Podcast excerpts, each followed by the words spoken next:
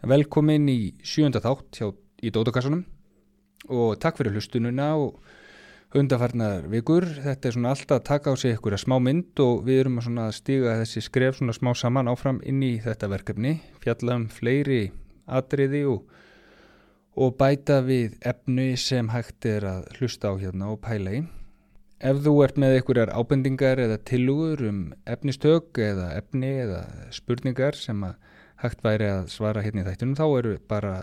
vel, þér velkomið að senda tölupóst á dótakassin.gmail eða hafa sambandi gegnum Facebook eða Instagram eða eitthvað svo leiðis og tölupóst fangið á að vera í, no, svona, í fylgi hérna, efni þáttarins á hverju sinni. Nú, hugmyndin með þessum þætti eins og ég hafi lagt þetta upp á sínu tíma er að, er að hafa efni sem fjallar um heilsu og hvernig okkur líður og snút með fókus út frá sálfræði, sálfræðinni aðgengilegt á svona hlaðvarpsformi þannig að fólk geti hlustað og, og, hafla sér upplýsingar eða fengið hugmyndir uh, við þeim hlutum sem það er sjálft að pælið að takast á við. Þetta er ekki hugsað sem meðferðarefni eða, eða fullt ingripp á neitt hátt en, en getur í mínum huga verið gaglegt að, að hlusta á umfjöllunum efni sem að sjálfur er að pæla í eða, eða takast á við og, og geta þá kannski nýtt þetta sem eitthvað svona stökkbretti eða, eða, eða eitthvað svona stuðning til þess að taka næstu skrif sem sama hver þau eru. E, í dag þá ætlaði ég að fjalla um kvíða og þetta er náttúrulega reysastórt efni eins og eins og gefur að skilja og ég ætla að reyna að fjalla um hvað þýðir að vera með kvíða og, og, og svona nokkur, nokkur sjónamið í, í því samengi. Ég ætla ekki endilega að fjalla um kvíðaraskanir eða mikinn og hamlandi kvíða. Ég mun samt aðeins koma inn á það efni en fókusin og það sem ég langar að reyna að ná utanum í dag er að fjalla um kvíða sem tilfinningu eða upplifun sem við upplifum öll og hvernig við getum staðsett kvíðan og nálgast þessa erfiðu upplöfun og skilið kvíðan okkar svo við getum tekist á það. Uh, auðvitað mæl ég með því að þeir sem eru með að glíma við langvarandi eða hamlandi kvíða leiti sér formulega aðstóðar hjá fagfólki uh, eins og það getur oft verið gaglegt að leita til sálfræðinga sem hafa sérstaklega þjálfa síðan aðstóða fólk með kvíðavandamól og ég mæli auðvitað heiklust við því ef maður er komin á þann stað að maður ná ekki sjálfur eða sjálf að eh, vinna, vinna með kvíðan sinn. En uh, dempum okkur bara í efnidagsins hvað er kvíði? Hvernig virkar hann? Hvaða tilgangi þjónar hann? Og hvernig getur við brúðist við? Gjöru svo vel.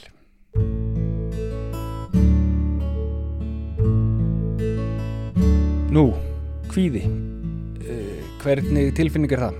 Hvaða hérna til hvers upplifir fólk kvíða? Þjónar það einhverjum tilgangi að vera kvíðin og uh, hvaða áhrif hefur það á mann? Þetta eru stórar og mikla spurningar uh, sem að mjög margir spyrja sig að og enda eru mjög margir sem upplifa kvíða á æfinni og ymsum tímabölum í lífinu út af ymsum hlutum sem þeir hafa lendi eða þeir að við. Uh, það er vinsælt í umræðinni að, að hérna, ræða það um þetta kvíði sé að aukast, það sé meiri kvíði í samfélaginu, fólk sé upp óröggara og, og kvíðnara en hefur verið og, og ég ætla ekki að taka afstöðu til þess í þessum þætti heldur að reyna aðeins að setja kvíða setja hana kvíðan aðeins nýra á blad eða hérna í hlaðvarp og, og ræða aðeins um hann. Um, það eru það eru vísulega vísbendingar um það svona svolítið að, að þegar fólk er spurt, ungt fólk og eldra fólk hvort að sé að upplefa kvíða í dag að, eða ein, kvíða einnkynni að uh, fólk uh, verið, eru einhverjar vísbendingar um það vísulega að, að fólk sé með upplifa kvíðara fleiri sé upplifa kvíða í dag en eh, fyrir nokkrum árum síðan og, en við erum ekki alveg kannski komið með niðurstöðu þá hvort að fólk sé með hvort að kvíðaraskanir séu algengari eða, eða, eða ekki. En eins og ég sagði hérna áðan þá ætlaði ég aðeins að hérna, reyna aðgreina þetta og tala meira um kvíða en kvíðaraskanir og þessa stóru tilfinningu sem leitar á, á marga og er á mörguleiti eðlileg. Uh, kvíðaraskanir koma, við komum kannski inn á það betur síðar og, og það er hægt að lesa sér aðeins til um það hérna í nótunum sem fylgja þættunum en byrjum á skilgjörna kvíða. Uh, áttu okkur að hvað kvíði er? Hvað eigum við þegar við segjum ég er kvíðin eða ég er upplega kvíða? Uh, mér finnst vera alveg mjög mísjant hvað fólk á við með þessu og við upplöfum tilfinningur okkur auðvitað ólíkt þannig að það er gott að afmarka sér hérna til að byrja með svo við séum á sumu blaðsju og ef við förum bara eins inn í sálfræðina og reynum átt okkur að því hvað hún hefur um þetta að segja þá, þá hefur verið fjallað um tilfinninguna kvíða sem svona svolítið svipanhátt eins og svona aðrar tilfinningin kvíði er svona er, er tilfinning eins og, til, eins og aðra tilfinningar eins og óryggi eða hræðsla eða ótti þetta er óta viðbrað þetta er, þetta er eins konar uh, þegar einstaklingur upplifir óöryggi eða hræðslu og, og, uh, og þetta er oft í tengslu með eitthvað aðstæður sem fólk er í eða er að fara í eða eitthvað tímabil sem við erum að gangi í gegnum að við erum óörug eða, eða óttaslegin yfir, yfir þessu sem er framöndan eða sem við erum að taka stáði að upplifa óta eða vera hrættur er mjög frumstætt viðbrað sem, við, sem kemur bara til okkar og er í taugakerfun okkar forritaði heilun okkar og gegnir alveg opaslega mikilvægu hlutverki. Það er, það er mjög mikilvægt fyrir fólk og lífur að geta átt að segja á því hvort við séum í hættulegum aðstæðum og að geta brúðist við því að komast út úr hættulegum aðstæðum Þetta er algjörð spurningum lífs, lífsspörsmál, spurningum að, að koma staf í, í, í náttúrunni. Og heilin okkar, gamli heilin okkar og tögakerfi okkar sem kom með okkur frá forföðum okkar er svona næmur og hann er forritaður að, að vera næmur fyrir því ef það eru hættur framöndan. Og hann sýtur okkur í ákveðna stellingar ef við lendum í hættulegum aðstæðum eða aðstæður, eða, eða séu framöndan hættulegar aðstæður þannig að þetta er oft talað um þetta svona eins og þú veist ef það er ljón í nálat okkur eða, eða eitthvað hættulegar eitthvað hættur framöndana þá sé, þá sé mjög mikilvægt að við kveikjum á því föttum það og bregðumst við til þess að koma okkur úr hættunni. Þannig að það er alveg klárt að, að hvíði og að geta orðið hrættur eða hrætt er ekki tilgangslust, þetta þjónar bara mjög mikilvægum tilgangi og, og geta brúðist við í slíkum aðstæðum en á sama tíma á sama tíma er það óhjálplegt eða ekki gaglegt fyrir okkur ef við erum hrætt í aðstæðum sem er ekki hættulegur ef við erum að ofmeta hættunar okkar og ef við erum alltaf í hrætt í aðstæðum sem eru ekki neitt skadalegar eða, eða hættulegar.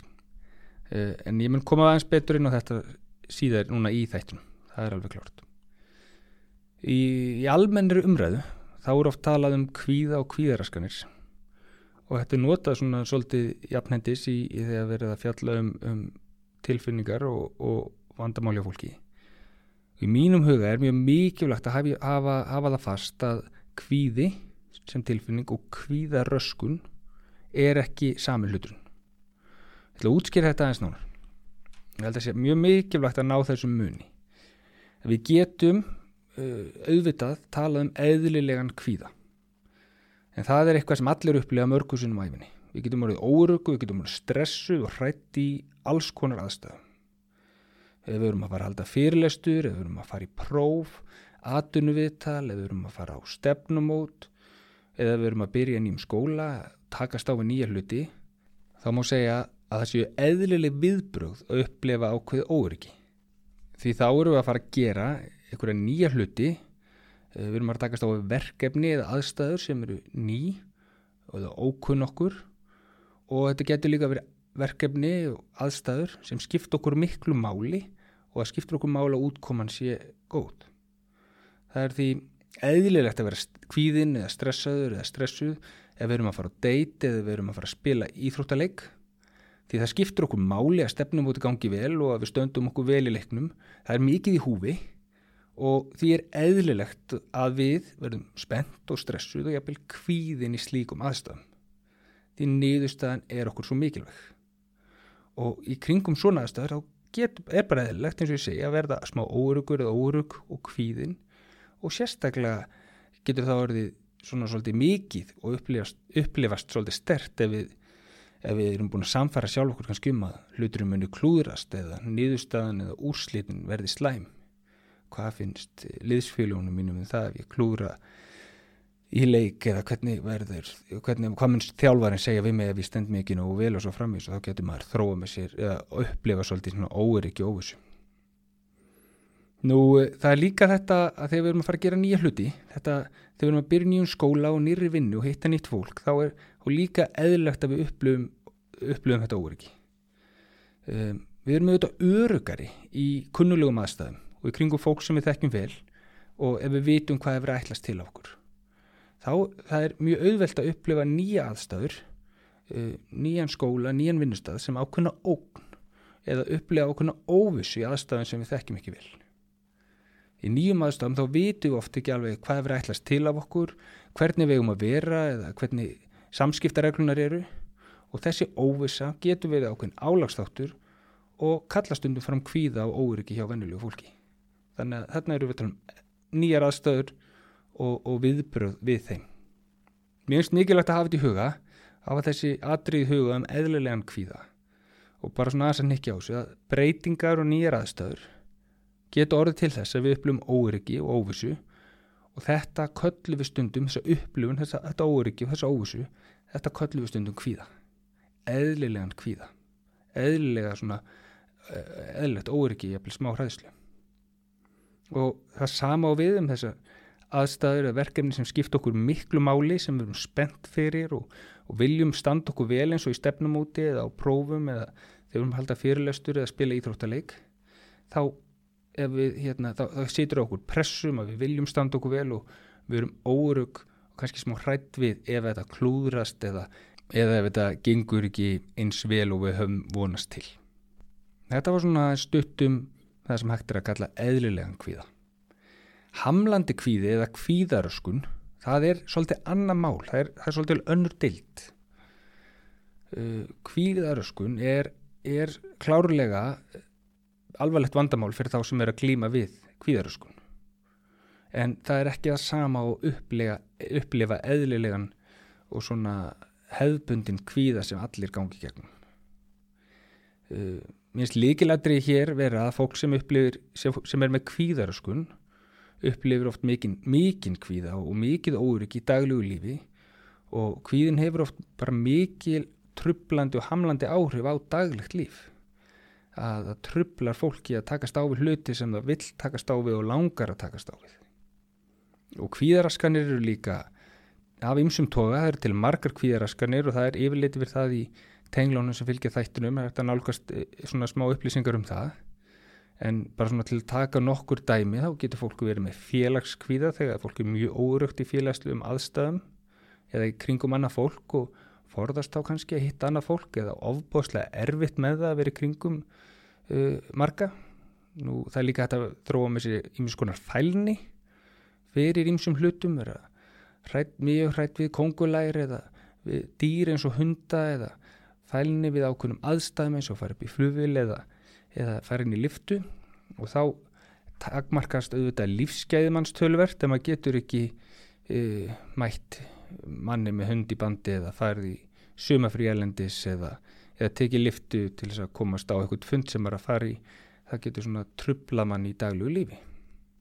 Og svo er líka hægt að þróa með sér það sem er kallað almenn kvíðaröskun það sem kvíðin eða óttinn er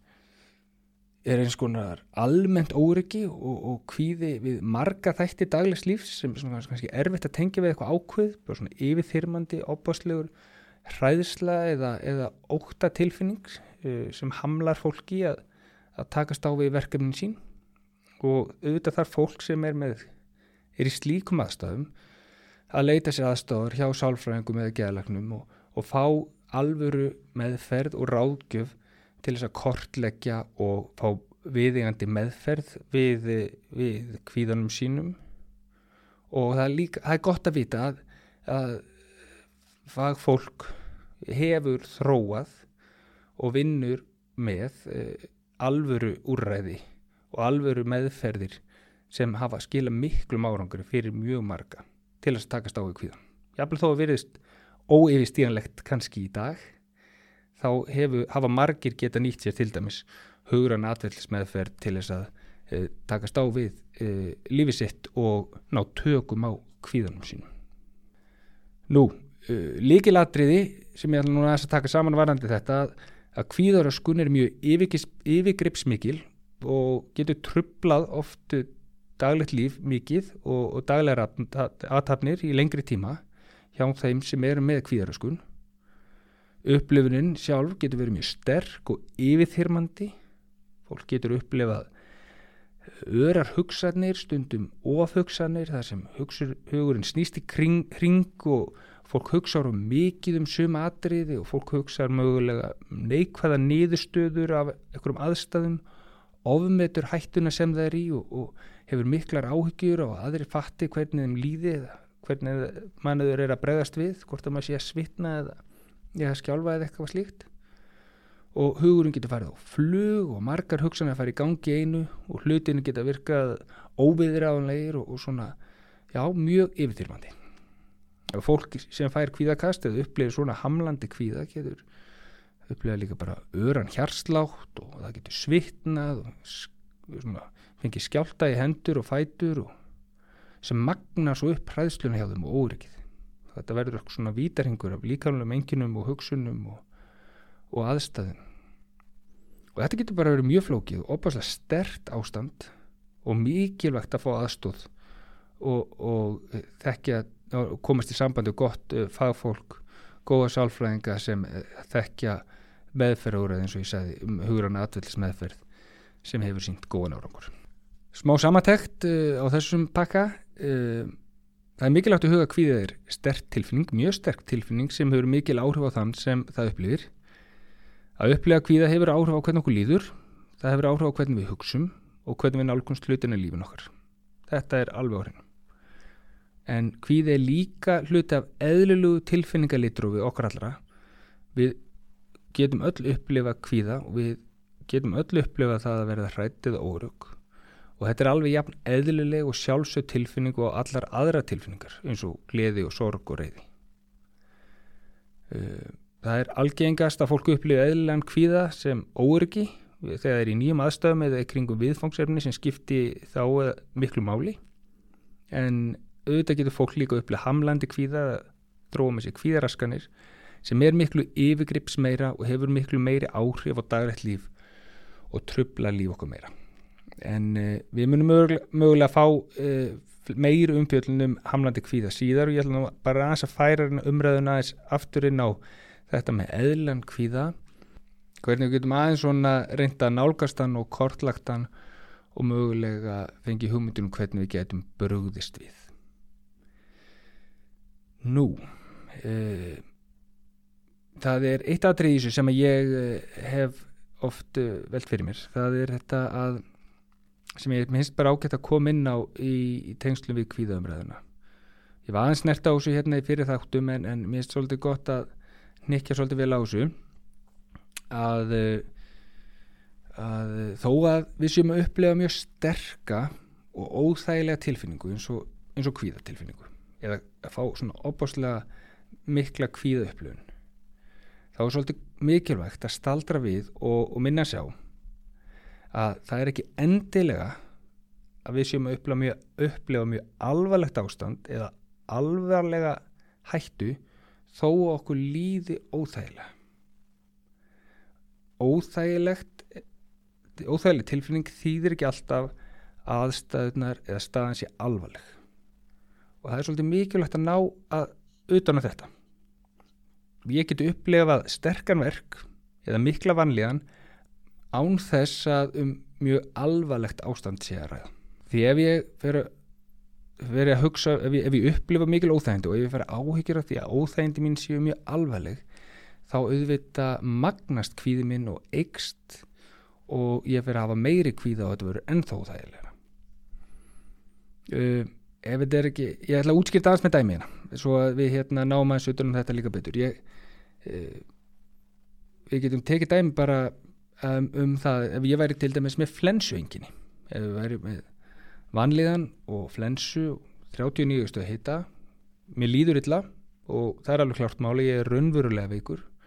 Ég er að upplifa raunverulega vanliðan og mér líður óþægilega. Það er engin ég, það er ekkert plati því og ég er ekkert að þykjast að vera neitt veikur. Og ég er ekkert að búa neitt til. Ég veit líka á sama tíma ég er öllu líkindum ekki að klíma við alvarlega veikindi og líf mitt er mjög líklega ekki hættu.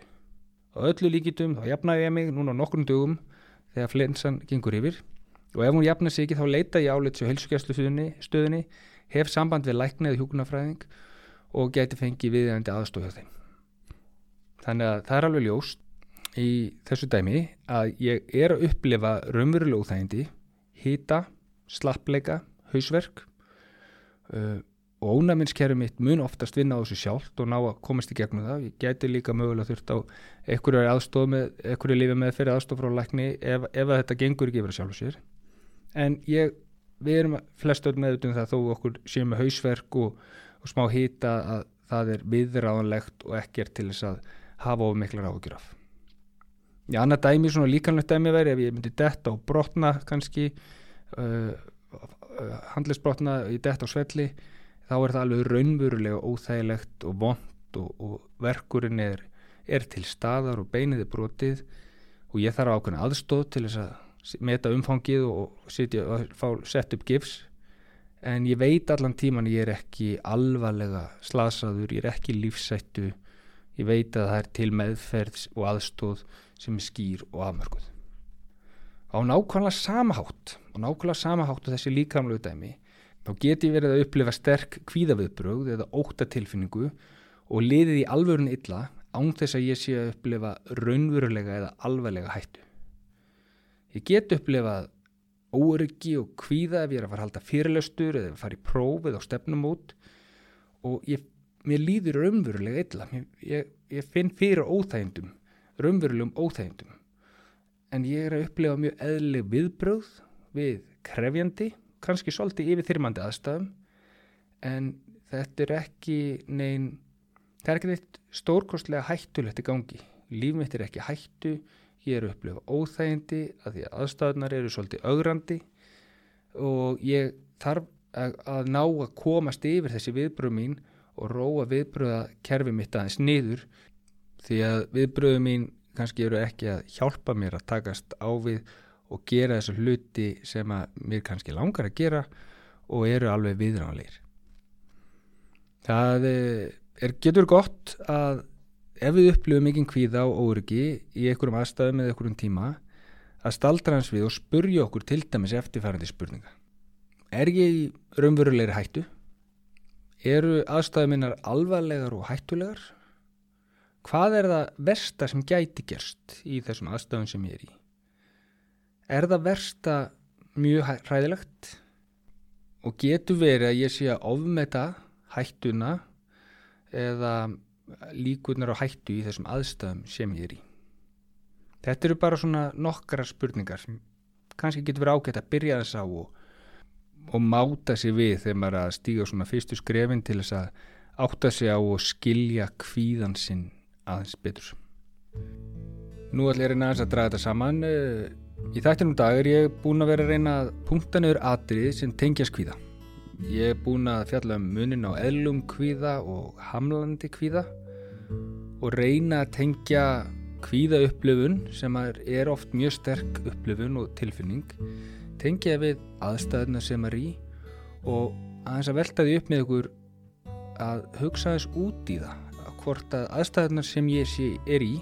séu raunverulega hættulegar og raunverulega alvarlegar. Eða hvort að upplifinu mín sé kannski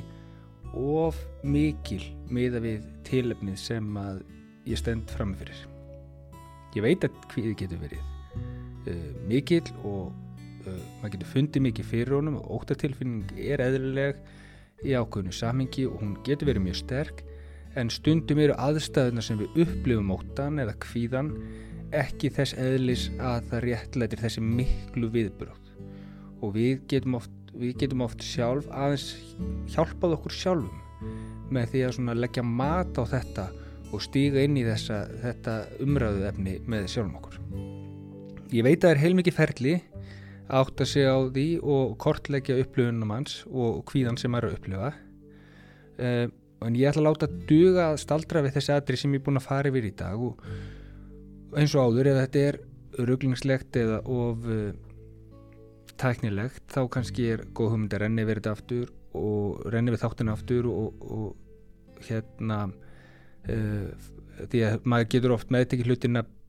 betur þegar maður hlustar á það í annarskipti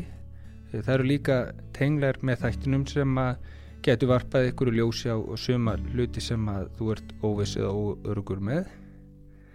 Í næsta þætti þá ætla ég að halda áfram kvíða umræðinu og fara eins betur yfir algeng viðbröð við kvíða og hvernig við mögulega getum bröðist við með uppbyggilegum hætti eða gagleir hætti þegar kvíðin kemur svona og gerir vart við sig. Ég ætla að setja lokið á Dótakassin í dag. Takk fyrir að hlusta og gangið vil.